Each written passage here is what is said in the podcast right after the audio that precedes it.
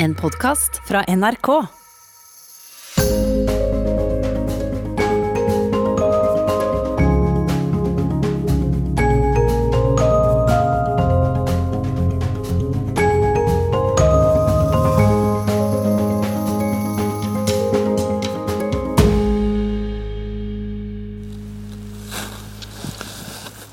Dette er eh, lørdag 14. mars. Det er en vakker Løsfoss. Solen skinner. Det er som en fin sommerdag hjemme i Norge. Jeg har leid bil, kjørt til Scala Carloni og hengt opp hengekøyen min. Den er oransje med grå kanter. Jeg ligger ved en helt stille strand og ser to mennesker langt borte. Ellers er det helt stille her. Blåser nesten ikke. Eh, I går fant jeg da ut at eh, jeg måtte dra hjem til Norge med tungt hjerte. Jeg føler jeg svikter mine venner her. Men så usikkert som alt er, så må jeg antagelig være hjemme en stund. Og i karantene. Så da drar jeg rett til fjells fra Gardermoen, tenker jeg, på tirsdag. Eh, Det er vel det eneste riktige å gjøre nå. Men de som er igjen her, de kommer jo ingen vei. De sitter fast som de har gjort. Noen i et år, kanskje mer. Eh, Det er en skam for Europa hvordan de behandles. Så jeg får bare bruke sinnet mitt hjemme i stedet for her.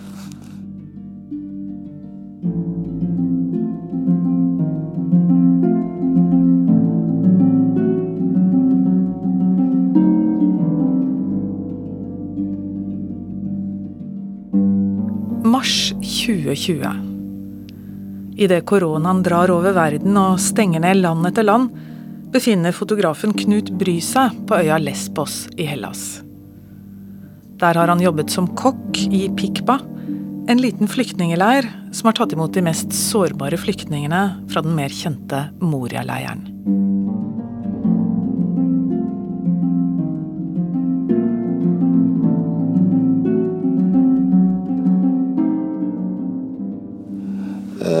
Fant nøklene til kjøkkenet.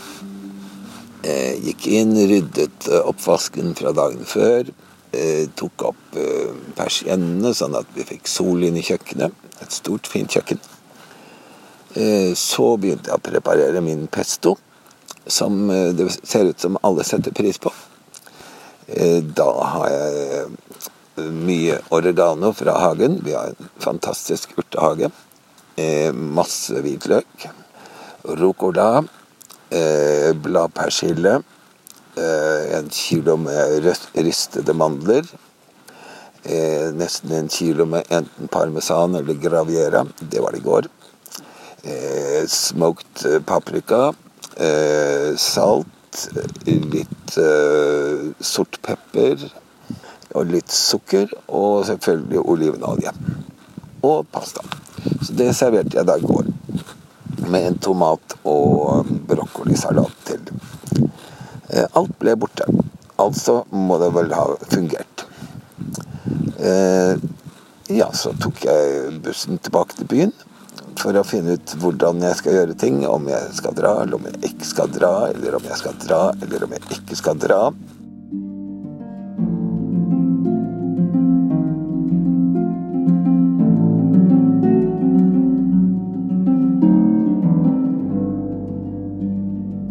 Norge stenger grensene, reiser Knut Bry hjem til fjellgården i Hallingdal, der vi møter ham noen måneder senere for å gjøre opptak til dette programmet. Jeg vet ikke hva det er det tidligste minnet mitt, jeg. Det er kanskje at jeg går ut med geitene. Vi hadde 40 geiter. De var alltid veldig vennlige og ville ha meg med på tur.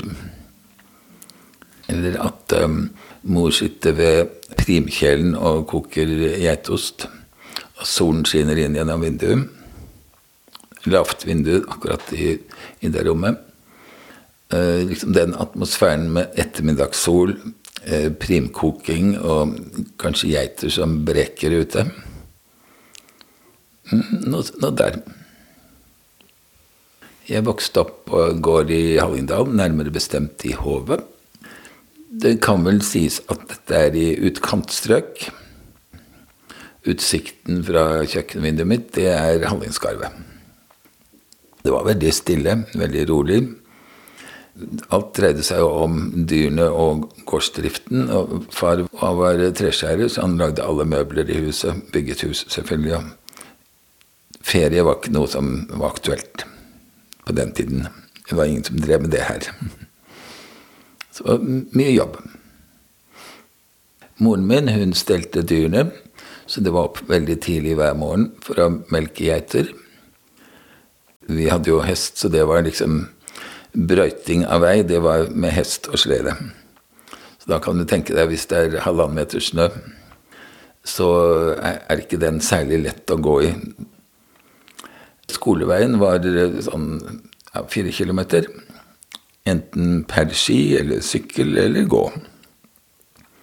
Eh, det vil si de første tre årene, i og med at jeg bodde så langt unna skolen, fikk jeg og jentene på nabogården vi fikk lov å ta drosje til skolen. Veldig urettferdig for de som bodde litt lenger ned i bygda. Da, da kom det en hvit og rød Ford Fairline som, som hentet oss eh, og brakte oss til skolen og hjem igjen.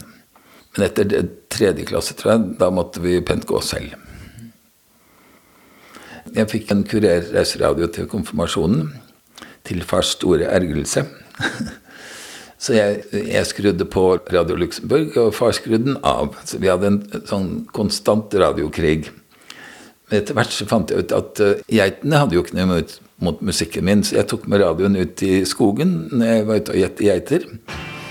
Og da fikk jeg hørt på Hepstars, og, og begynnelsen var liksom Beatles. Jeg husker jeg hadde Beatles på, på radioen inne i fjøset mens mor melket geiter på stølen.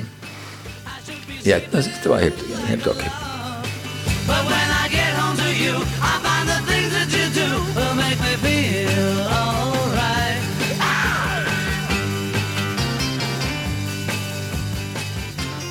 Oppe på Stølen så har vi noen få hytter. Og deriblant var det en hytte tilhørende familien Arnesen. De kom fra Oslo. Arnesen var direktør i Dovre assuranseselskap på den tiden. Og de kom i sin fine Rover. Jeg var veldig interessert i biler. Så, så det, det, var liksom et pust fra den store verden når de kom. De hadde med seg bunker av uh, Saturday Evening Post og Life Magazine som de hadde liggende på hytta. Og min yndlingssport når jeg ikke måtte gjøre noe annet, det var å besøke de for å bla i disse bladene. Det var jo som å være i en helt annen verden. Du kan tenke deg 1955 i Amerika med, med store, rare biler og alt sammen. En liten anekdote fra amerikabesøk på Stølen. Det var jo onkel Johannes som hadde med to amerikanske par og da, da satt vi og ventet. Nå kommer amerikanerne. Og det fossregnet. Utrolig dårlig vær. Og på Stølen så er det en veldig smal vei som kommer opp over en bakke, og så går den ned til en bekk, og så går den opp en bratt bakke igjen. Og de kom da med sin egen bil, som de hadde tatt med fra Amerika. En Chevrolet Bel Air 1959, tror jeg det var. Turkis og hvit. Det merket jeg meg. Den hadde sånn krom reservehjul bak på stølfangeren. Eh, og dette slagskipet kommer da over bakken. Det, ser ut som den skal sluke hele veien. Sakte ned.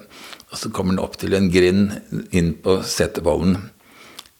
Men bilen er jo da bredere enn grinda, så de kommer ikke gjennom.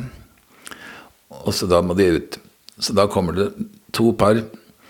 Eh, damene har stiletthæler. De har strømper med søm trange sånn New Look-drakter. Jeg tror alle hadde hatt. De hadde på seg sånne gjennomsiktige plastregnfrakker. Og alle hadde briller. Så etter hvert som det kom flere og flere amerikanere, så trodde jeg alle amerikanere så dårlige, for alle hadde jo briller. Og så kommer de vaklende gjennom gjørme og søle bort på stølen og skal inn og spise setekost. Det var, det var helt som aliens hadde landet.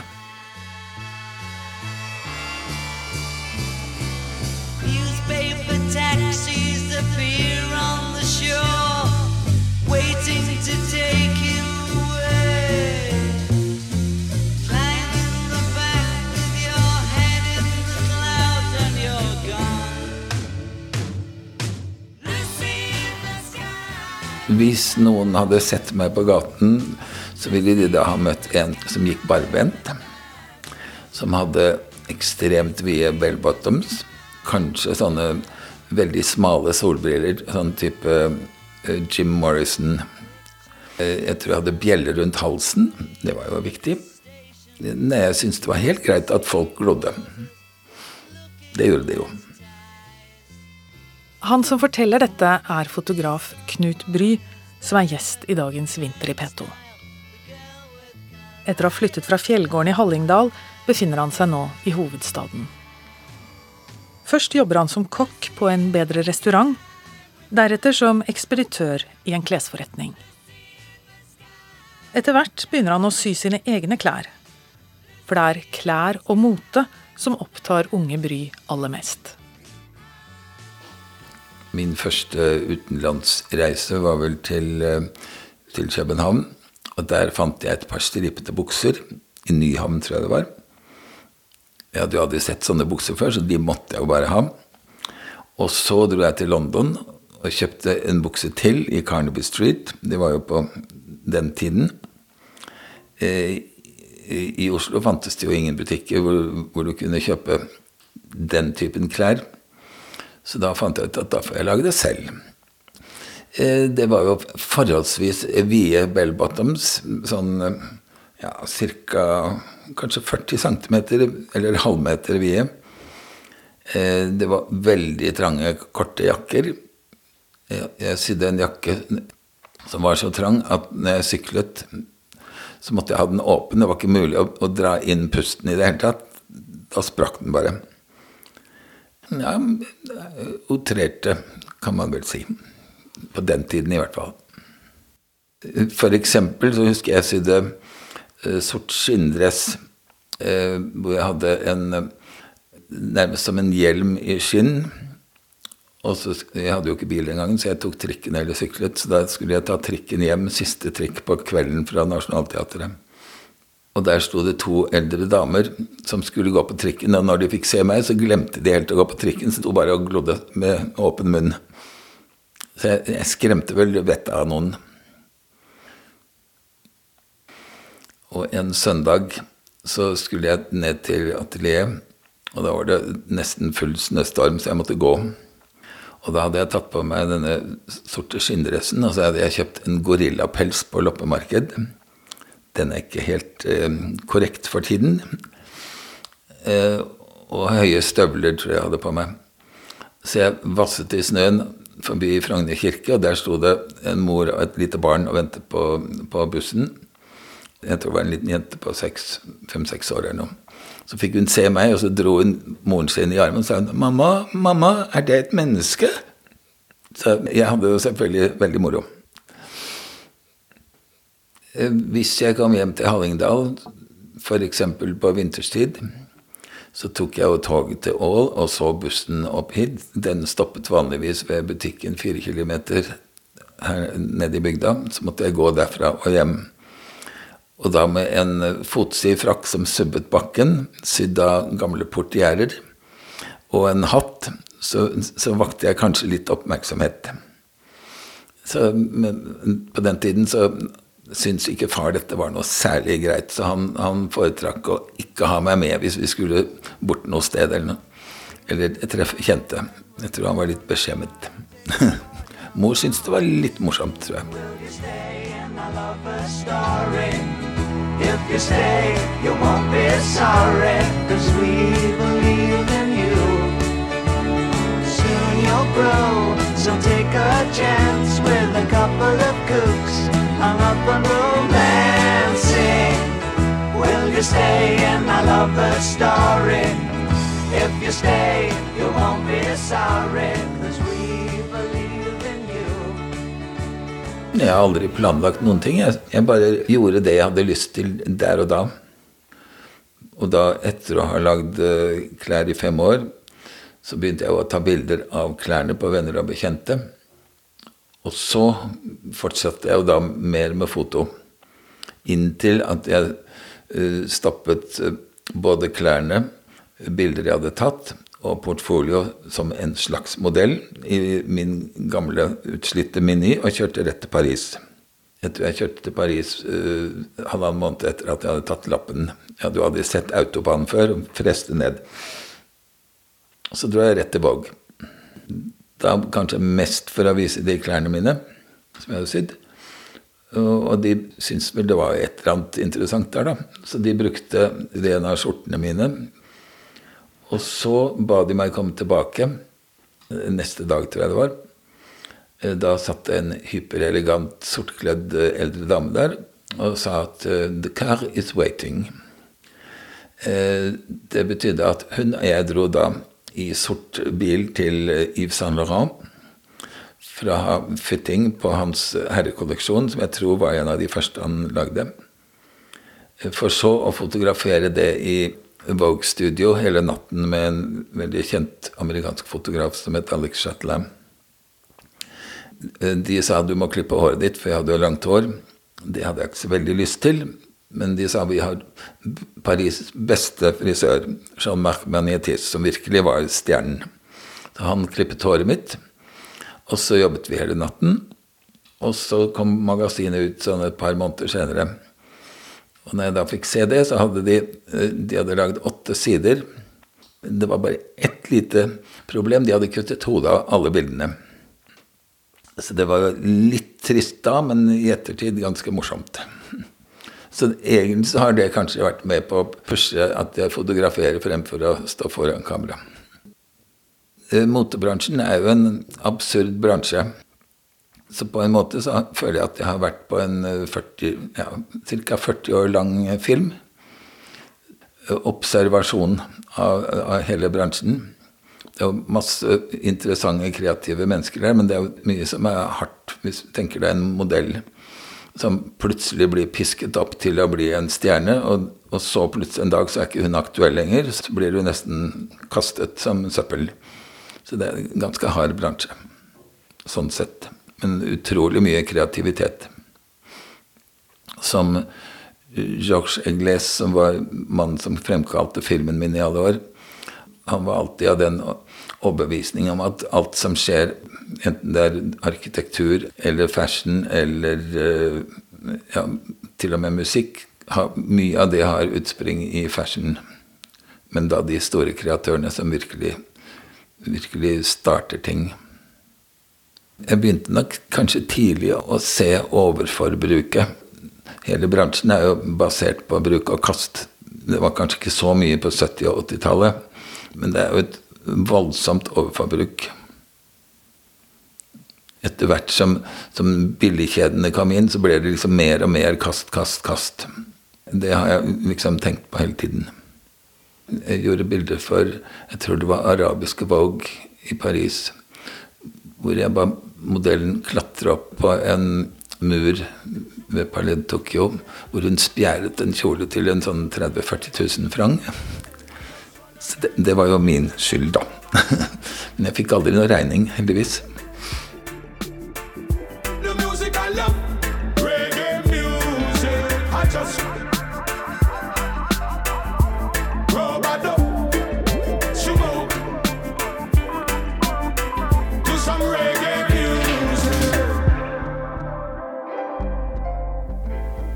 Så, så, begynte jeg å jobbe for Condé Nast Traveler, som er det største reisemagasinet i Amerika. Og de sendte meg jo rundt hele planeten til fantastiske steder.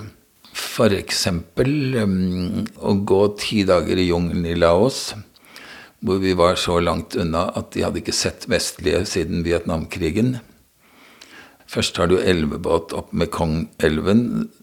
Så går du gjennom en grotte eneste veien inn til en liten landsby inne i jungelen, det er å vasse i elv som går gjennom en grotte gjennom fjellet. Så kommer du frem hvor det er bare noen få hus på peler. Det er tempelruiner som ingen vet hvem har bygget, eller hvor gamle de er, eller noen ting. Og så flytter da eh, høvding, eller sjefen i, i, landsbyen, han flytter ut, sånn at du får sove på hans, hans veranda, nærmest, da. Og de, de har jo veldig sjelden besøk. Og den, den, første natten vi var der, da våknet vi midt på natten eh, at en kvinne skrek noe helt forferdelig. Det hørtes ut som noen ble myrdet omtrent. Eh, så guiden vår gikk ned for å finne ut hva som skjedde. Da fikk vi beskjed om at pga. at vi var kommet så sent på ettermiddagen, for det tok jo mange timer å komme dit, så hadde ikke de kunnet gå til neste, neste landsby hvor vi kom fra, for å hente en smågris som de måtte ofre fordi det kom nye mennesker på besøk. Og det, betydde at åndene var vrede. Og hun var da byen, landsbyens medium, så, det, så det, var hun som, som brakte det ut, liksom. Så hun lå og skrek hele natten, og neste dag så var alt i orden igjen. En sånn, kanskje en litt skummel tur er vel når Jill, assistenten min og jeg var på jobb for Traveler i Namibia. Da fløy vi småfly fra camp til camp rundt i ørkenen. En dag skulle journalisten intervjue en australier, tror jeg, som bodde helt mutters alene langt ute i ørkenen. Han hadde 30 mil å kjøre til nærmeste sted hvor, hvor det bodde folk. De kan tenke deg, Han hadde en bitte liten hytte. Og så uh, en jeep. Så vi fløy dit, satt av journalisten. Og så skulle Jill og jeg fly videre med Lou Showman, som han het. Han var, han var 74 år, pilot. Så vi fløy og fløy og fløy, og det var finere og finere jo lenger vi fløy. Kan tenke deg røde sanddyner, gule sanddyner, sorte sanddyner. Helt, helt fantastisk land. Så jeg ba han fly med, med, vingen ganske høyt, sånn at jeg kunne få panoramabilder uten å få med vingen i bildet. Og til slutt så stoppet motoren. Dette var et enmotors en Cessna, gammelt. Og da var det kanskje 150 meter ned til sanddynene. Og du hører bare sånn Der flyr det jo liksom som et seilfly. Da husker jeg snudde meg og så på Jill som satt i, bak meg. og han, Du så liksom fargen bare rant ut av ansiktet hans. Han ble blekere og blekere. Så jeg tenkte ja, men det er jo ganske mykt å lande på sand, så dette går sikkert bra. Og til slutt, da sank jo Vi sank jo sakte ned. Og Mr. Showman han satt og dro i spakene febrilsk. Og til slutt så fikk han startet igjen.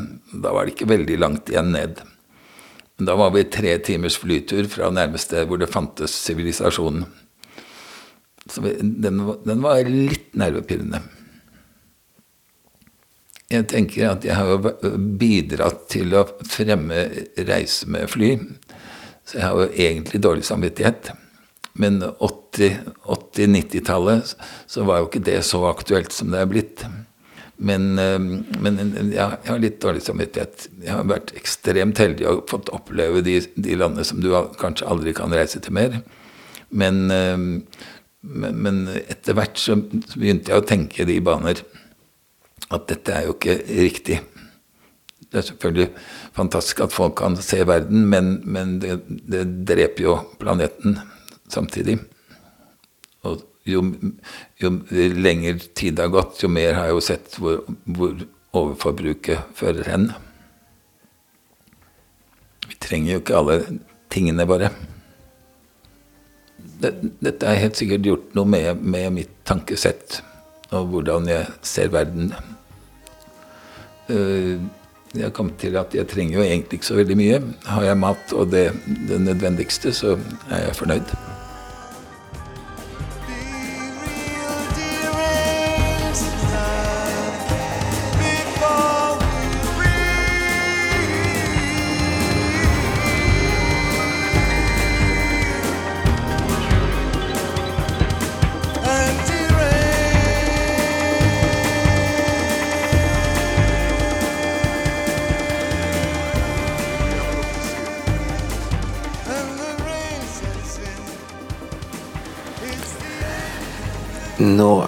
Snart midnatt, og det er min siste dag på Lesvos for denne gangen.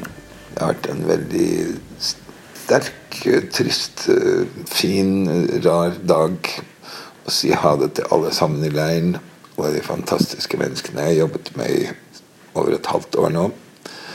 Mange av de drar hjem, så det blir bare fire frivillige pluss teamet igjen. Så de får en veldig hard tid fremover, tror jeg veldig vanskelig.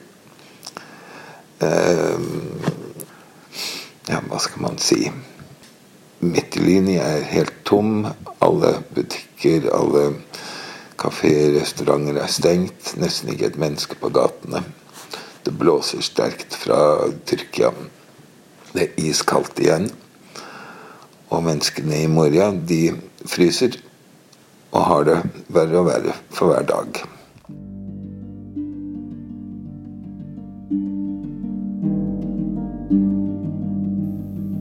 Du hører på Vinter i P2, der fotograf Knut Bry forteller om sitt liv. Etter år som bejublet fotograf for verdens fremste mote- og reisemagasiner, hoppet Bry av forbrukskarusellen. Nå er det miljø og flyktninger som opptar hans tid. De siste vintrene har han stått og laget mat i den lille flyktningleiren Pikpa. En leir som har huset noen av de mest sårbare menneskene fra Moria-leiren, også kalt helvete på jord.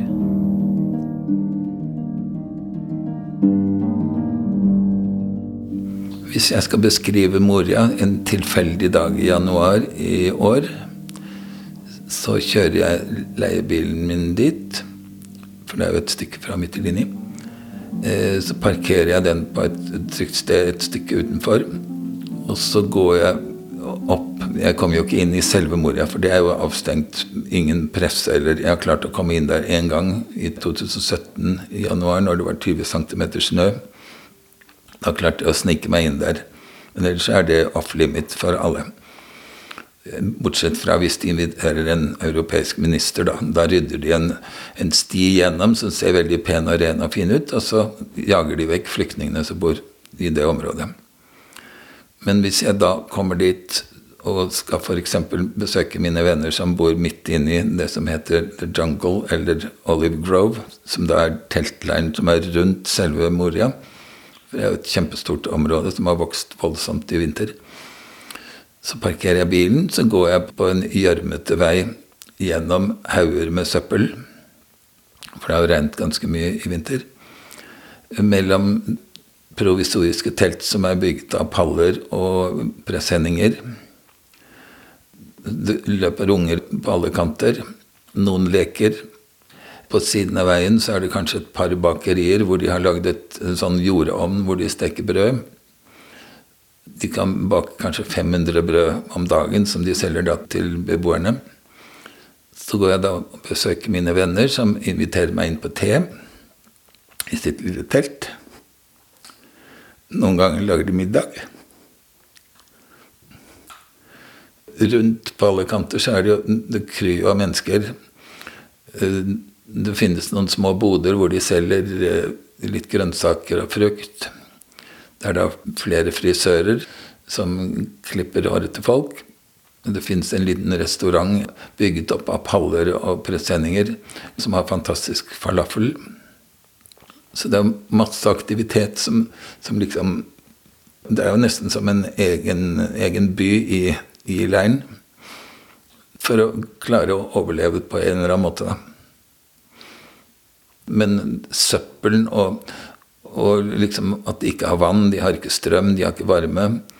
Utenfor eller rundt teltene så i januar så var det jo beinkaldt. Det var jo ned til minusgrader nesten. De sanker jo det som er av oliventrær fra hele området rundt. Alle kvister. De tar med seg røtter, hele stammer som de sleper inn i leiren for å hugge opp og brenne. Så det er jo eneste varmen de har. De, de brenner bål utenfor teltene sitter rundt dem. Om natten så ligger mine venner fra Iran de lå med kniv i hånden. De sover på dagen og er våkne på natten fordi det blir ranet eller knivstukket. Så det var knivstikking omtrent hver eneste natt. Hvis du tenker deg så mange desperate mennesker som har sittet fast der i måneder, kanskje år. Kvinner kan ikke gå på toalettet, så de ligger med bleier. Så det, det, er, det er ganske ille. 1. mars, da var jeg i Moria hele dagen, det var en søndag, for å fotografere barneportretter. Og litt utpå ettermiddagen så fikk jeg beskjed fra mine venner i Dråpen i havet at veiene til og fra Moria var stengt av fascistgrupper. At det antagelig ville være umulig å komme ut igjen fra leiren. Så når vi var ferdig med å ta bilder, så hadde jeg med meg fire av mine venner både fra Moria og Pekpa. Og siden jeg er godt kjent der, så, så, visste jeg at det gikk an å kjøre gjennom olivenlunder og åser og små landsbyer og komme seg ut på hovedveien, så det gjorde vi. Så ved syvtiden på kvelden, da var vi kommet inn på hovedveien til Mytilini. Og halvveis inn så ble vi bare stoppet av en, en vegg med sortkledde mennesker. Kanskje 100 av de. Fascister med, med tildekkede ansikter som gikk til angrep på bilen. Det første jeg husker, var en dame med balltre som slo inn frontvinduet på bilen. Så tok de de andre vinduene og stakk hull på et av hjulene. Så rev de oss ut av bilen. Jeg ble kastet på bakken og slept bortover veien. De tok uh, sekken min med kamera. Uh, og så antagelig syntes de det var for gammelt til at de gadd å bry seg om meg, så de kastet meg tilbake i bilen og sa go, go, go, go. Så jeg ba de om å få tilbake bagen. Det gjorde jeg da. Men da hadde de tatt kamera og knust det, eller hva de gjorde med det. Og mine fire passasjerer de bare forsvant. Jeg visste ikke hva som skjedde med de. På ettermiddagen neste dag fikk jeg greie på at de var blitt banket opp alle sammen. Og de hadde klart å rømme tilbake til leiren. Så det var en ganske selsom opplevelse. Men nå, bare for et par uker siden, så har de holdt på med det samme både i, i, vår og nå så, så kommer det da nynazister ned fra Tyskland, Belgia, Frankrike og Østerrike for å piske opp stemningen. Så det blir liksom bare verre. Og de går jo til angrep på alle biler som de tror kan ha med frivillige å gjøre. Enten det er leiebiler eller private. Til og med biler fra fastlandet som de ser skiltene er utenfor øya. Nå sist da var det meldinger om at de jakter på flyktninger inne i byen med motorsykkel. De prøver å finne ut om det er noen som bor inne i byen. Så prøver de å få tak i de og hive de ut fra leilighetene. Så det, det er virkelig sånn nazitilstander. Det er velkommen til Europa.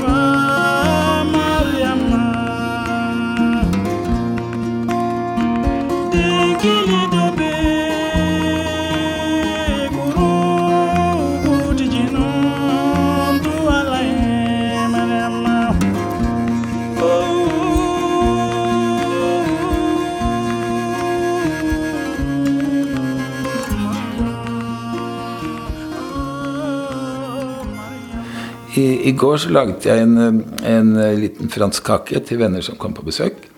Det er en financier, som er min favorittkake. Eh, lagd med mandler, brunet smør, brunt sukker, eggehvite. Ganske god, om jeg så selv skal si det. Noe som har gjort veldig inntrykk, er skolen til Farzad. Han er eh, afghansk flyktning som kom dit for halvannet år siden med sin familie på seks, er det vel. Og han startet da eh, skole hvor de bare satt på bakken og tegnet i grusen omtrent. Og så etter hvert så klarte han å samle inn penger, så han fikk bygget opp to-tre klasserom bare som telt midt inne i Moria. Han har da hatt ja, opptil 1500 elever hver dag som står i kø utenfor teltene for å lære engelsk, eh, gresk, tysk, kunstklasser. Vi hadde utstilling inne i Mytilini og i leiren. Gjort en fantastisk jobb. Myndighetene har jo da jobbet mot han hele tiden. I eh, skal vi se, når var det? I februar, i februar tror jeg, så fikk han beskjed om at han og familien kom til å bli deportert kanskje neste dag. Så han tok hele familien, kastet seg på et fly til Aten. Han hadde da black stamp, som betyr at kan komme ut fra Moria. Så de kom seg til Aten. Etter en måned eller noe sånt så fikk jeg melding. Da hadde han kommet seg til Sveits. Da lå han jeg tror det var 27 timer under en trailer og fikk smuglet seg over til Sveits.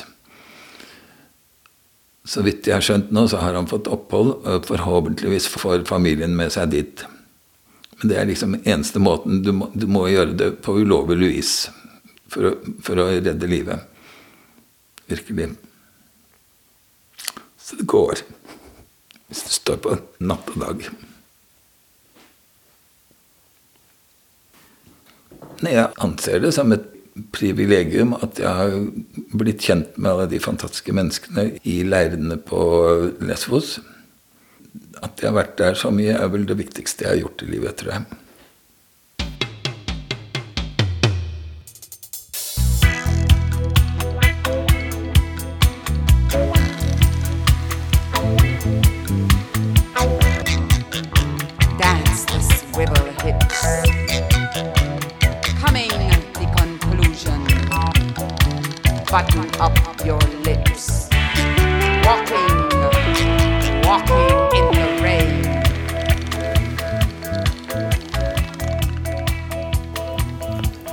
For en uke siden fikk jeg melding fra mine venner på Lesvos. Da var store politistyrker kommet inn i vår leir, altså Pikpa-leiren, der jeg jobbet som frivillig de siste fire årene. De evakuerte alle beboere og stengte leiren. Eh, alle sammen ble flyttet over til Karatepe, som er en mindre leir ved siden av Moria. Som de fleste sikkert vet, så brant jo den store Moria-leiren ned i september. Europa har da bygget, i løpet av fem dager så bygget de en ny leir helt nede ved havet. Eh, som er enda verre enn Moria var. All verdighet og all trygghet skal liksom trampes på.